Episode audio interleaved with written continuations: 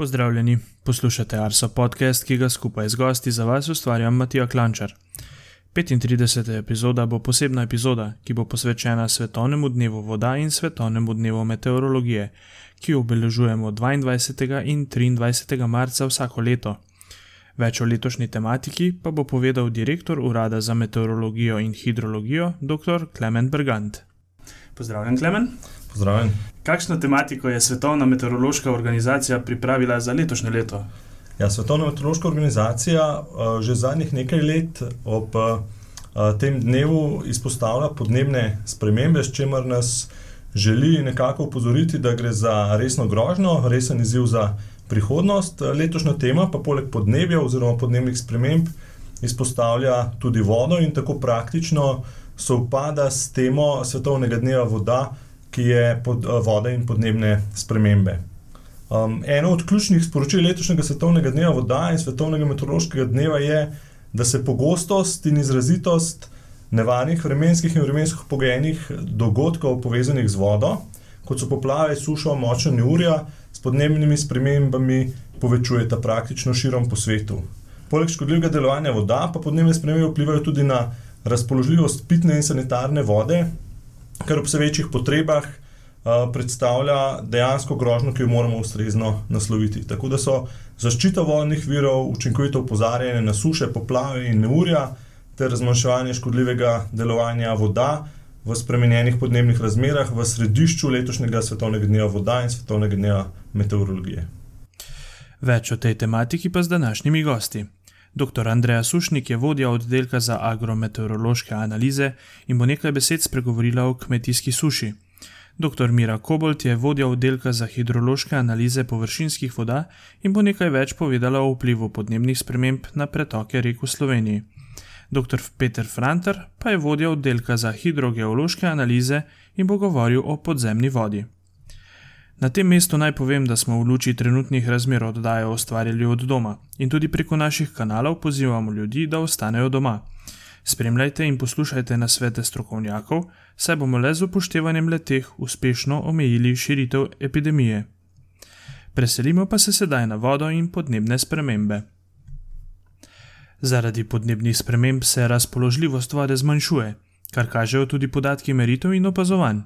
Nekaj več o trenutnem stanju pa Mira Kobolt. Pretoki rek se neprestano spreminjajo. Časovna spremenljivost pretokov v Sloveniji je velika. Dejavniki, ki vplivajo na hidrološko dogajanje in pretočne režime, so številni.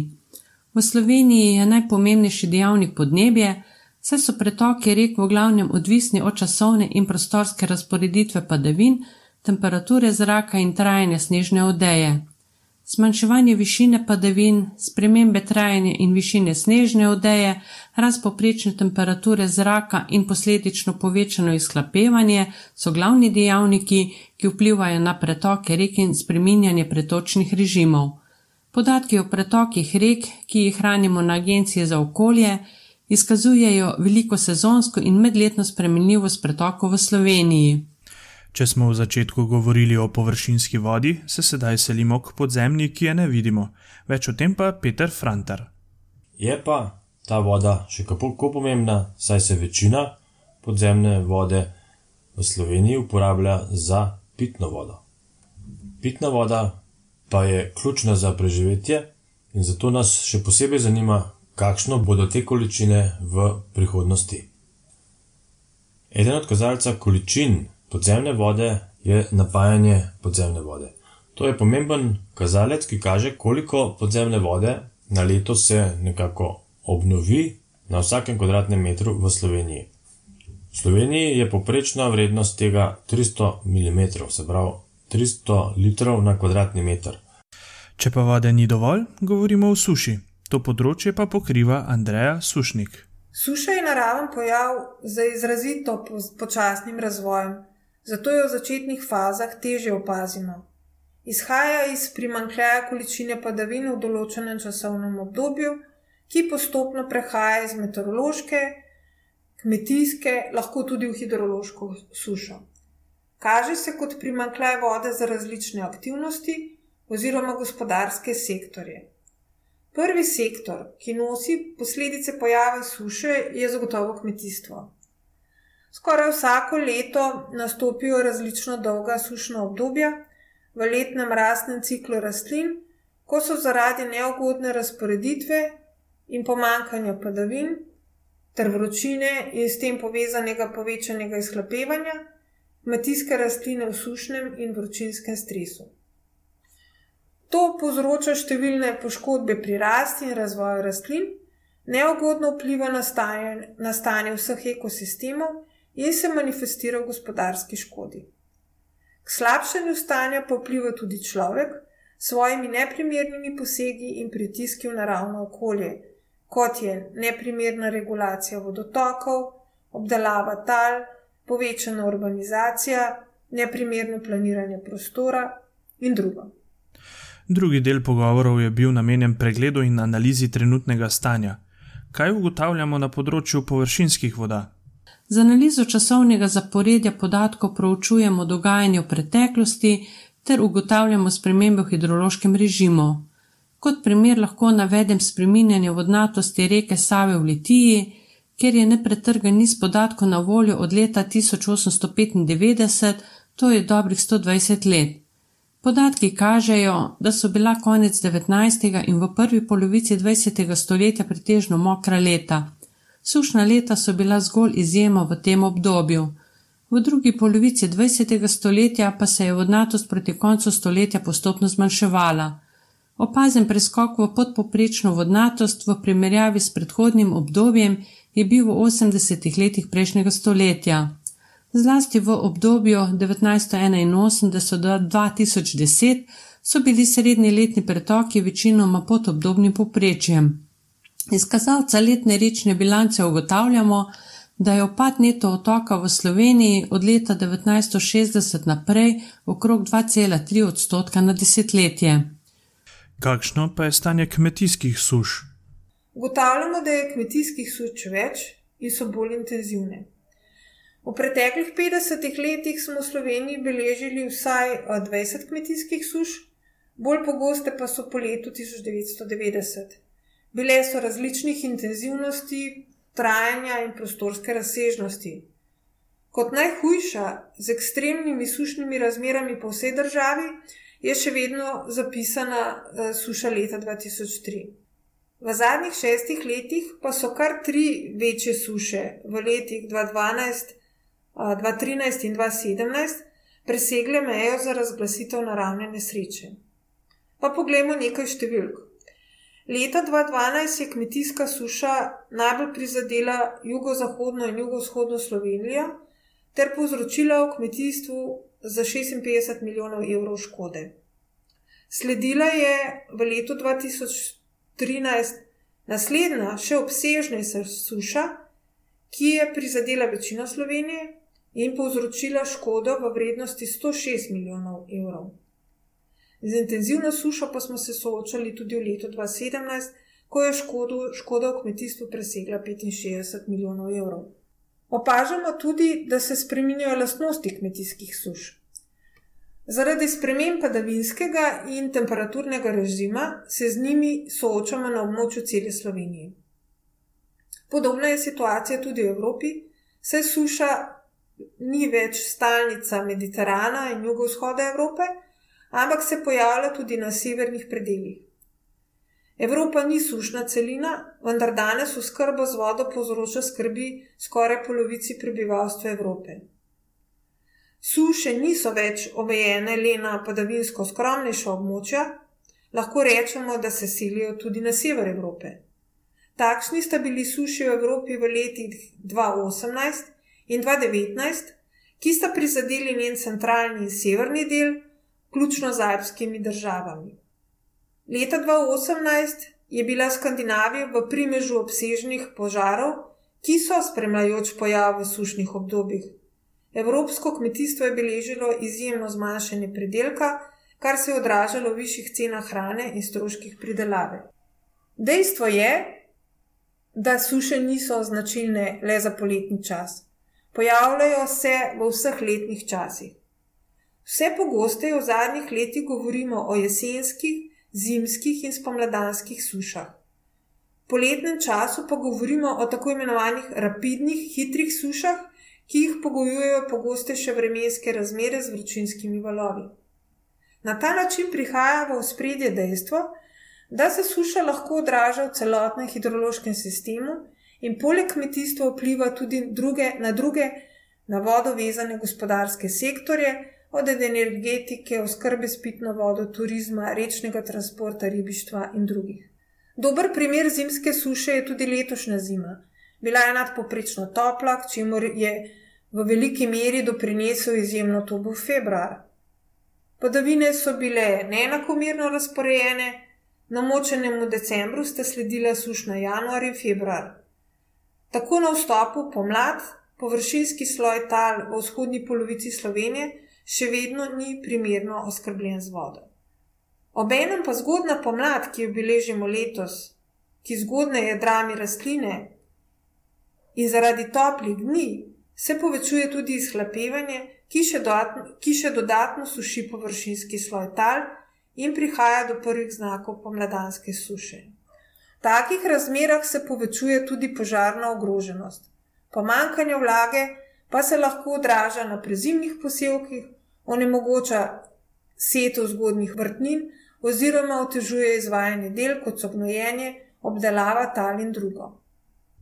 Ostanimo še na področju agrometeorologije.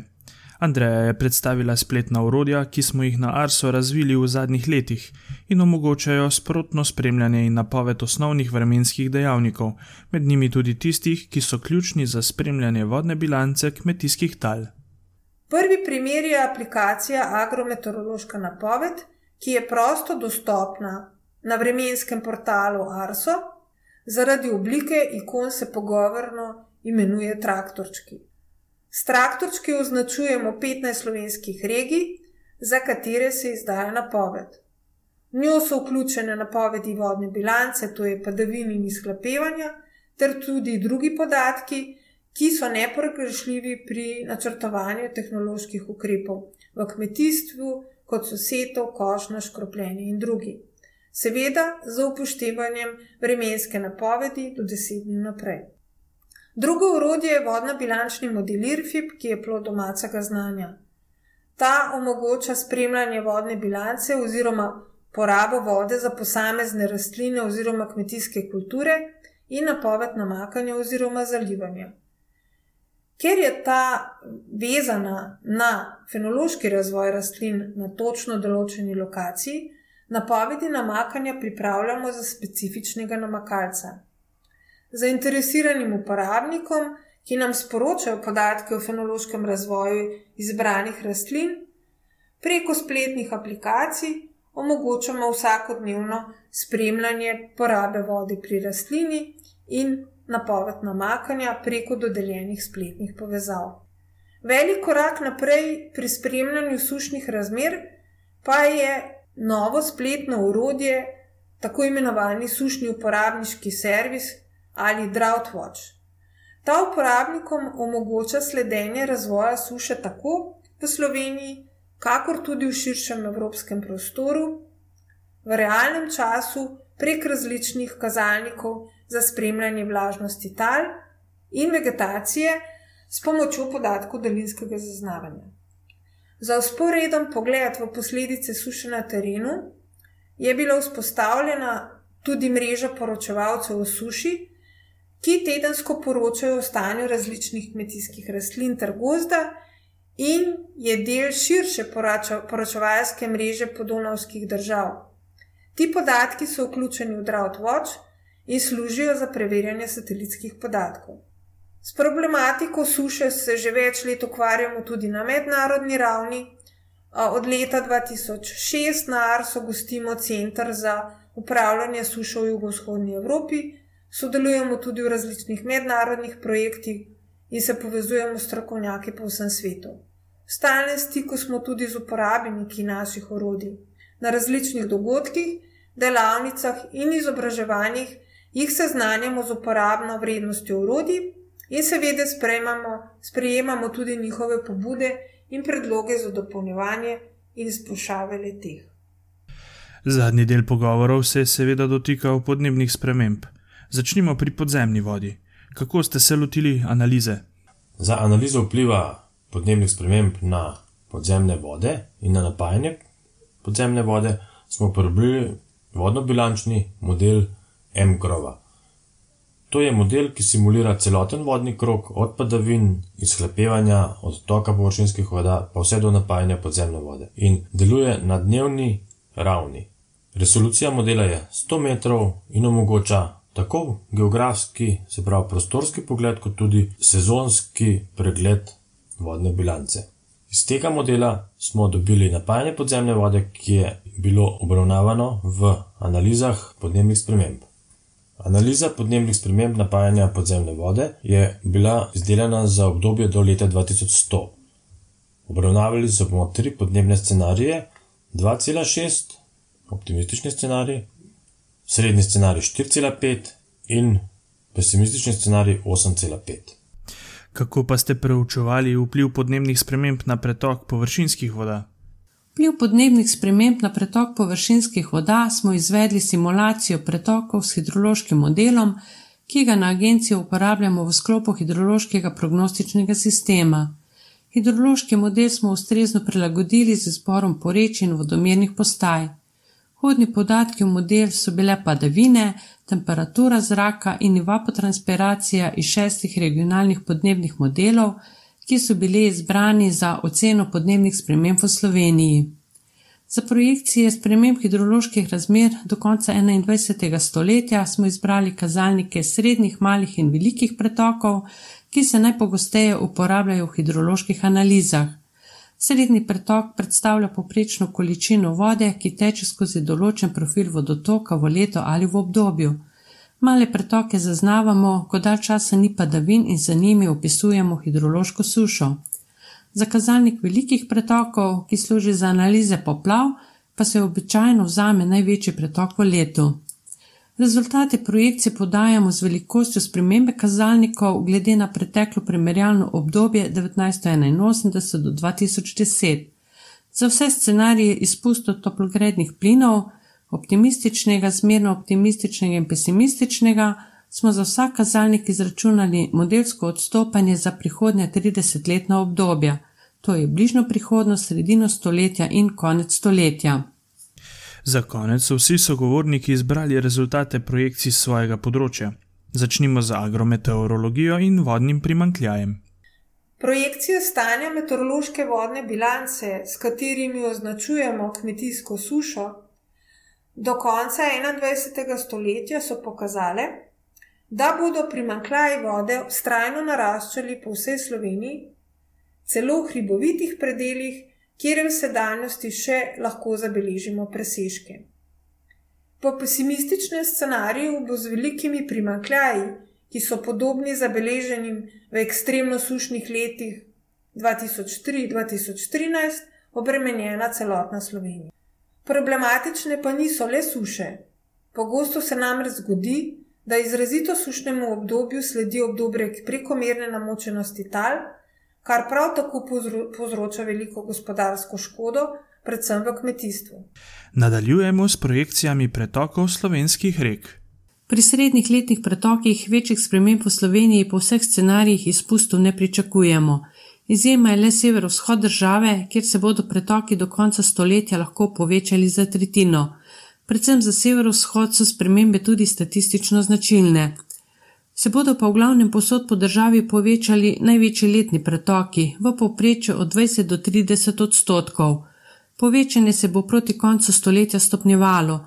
Največje povečanje visokovodnih konic bo na severovzhodu države, kjer se v primeru zmerno optimističnega scenarija izpustov kaže povečanje do 30 odstotkov, v primeru pesimističnega scenarija pa do 40 odstotkov. Spremembo pretoka za povratne dobe smo izračunali z linearnim trendom povratnih nivojev. Ta je pri zmerno optimističnem in pesimističnem scenariju posod po državi pozitiven, pri pesimističnem tudi statistično zanesljiv posod po Sloveniji.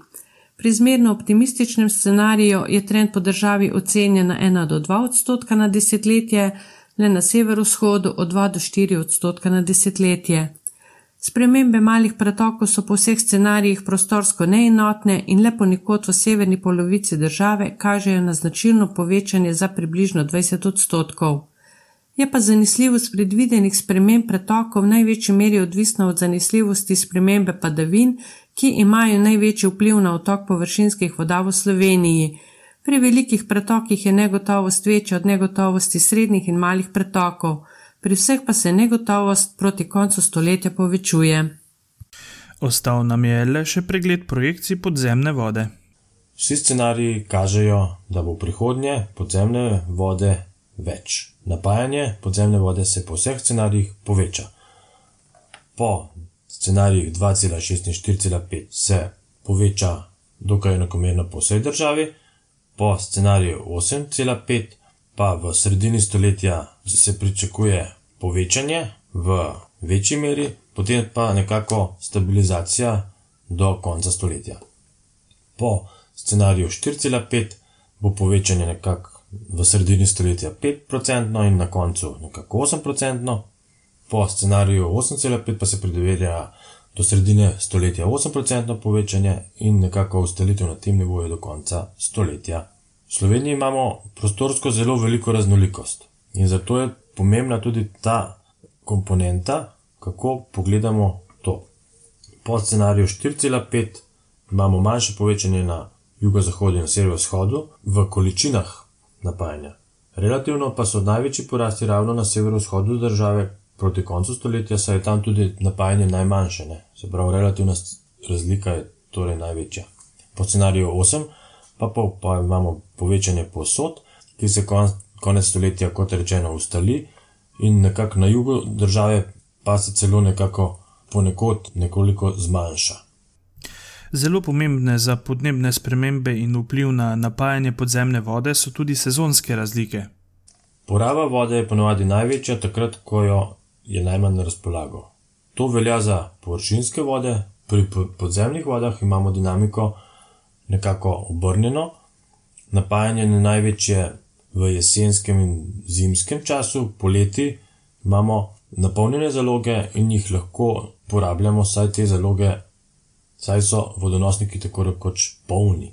Zato je ravno to napolnjenost močno odvisna od sezonske razporeditve padavin v prihodnje in posledično tudi od napajanja. Veliko vpliv bo imelo tudi samo taljenje snega, ki ga bo manj, se pravi, taljenja bo, bo več, snega bo pač manj. Zato vsi modeli kažejo, da se bo po zimi povečalo napajanje podzemne vode. Prav, glavne količine podzemne vode bodo napolnjene v zimskem času. Po zimi se po srednjem podnebnem scenariju kaže celo 25% povečanje, po pesimističnem 8,5% scenariju pa kaže celo na do 50% povečanje napajanja podzemne vode. V drugih letnih časih imamo zelo različne signale. Pomladi naj bi bilo napajanje približno enako kot v tem obdobju, vendar je zanesljivost slaba, v poletju in jeseni pa signala ni. Po predvidevanjih pa verjetno poleti kakšnega bistvenega izboljšanja ne pričakujemo. Če pogledamo vse skupaj, kaže, da pitna voda bo na razpolago, ne bo ogrožena, saj vsi modeli kažejo nekako na povečanje napajanja, tudi pesimistični modeli. Bolj gre za pregled razporejenosti podzemne vode in napajanja v prihodnje, ki pa ravno tako kaže na nekako neproblematično razporejenost, tako časovno, kot tudi na prostorsko razporejenost. V prihodnosti torej samo količino pitne vode naj ne bi imeli velikih problemov. Drugo vprašanje pa so že kvaliteta in varovanje pitne vode. Ob koncu pogovorov vas vabim k ogledu podnebnega atlasa, kjer smo zbrali rezultate projekta Ocena podnebnih sprememb v Sloveniji do konca 21. stoletja. Dostopate lahko do vseh grafičnih produktov, ki so bili predstavljeni v tem podkastu. Poleg teh pa najdete tudi vse ostale spremenljivke, ki smo jih preučevali v okviru projekta. Povezavo do podnebnega atlasa smo priložili v zapiskih k tej epizodi. V tem času pa ne pozabite stika z nami preko družabnih omrežij. Na Twitterju smo Meteosi, na Facebooku pa smo Arso Vreme. Da bodo za nas izvedeli tudi ostali, nam pustite kakšen komentar na Apple Podcasts. Vse komentarje, pripombe in predloge pa sprejemamo tudi na elektronskem naslovu podcast.arso.afnago.si. Želim vam prijetna dneva voda in meteorologije. Hvala vam za poslušanje in pozornost, ostanite zdravi in se slišimo že čez slab teden dni.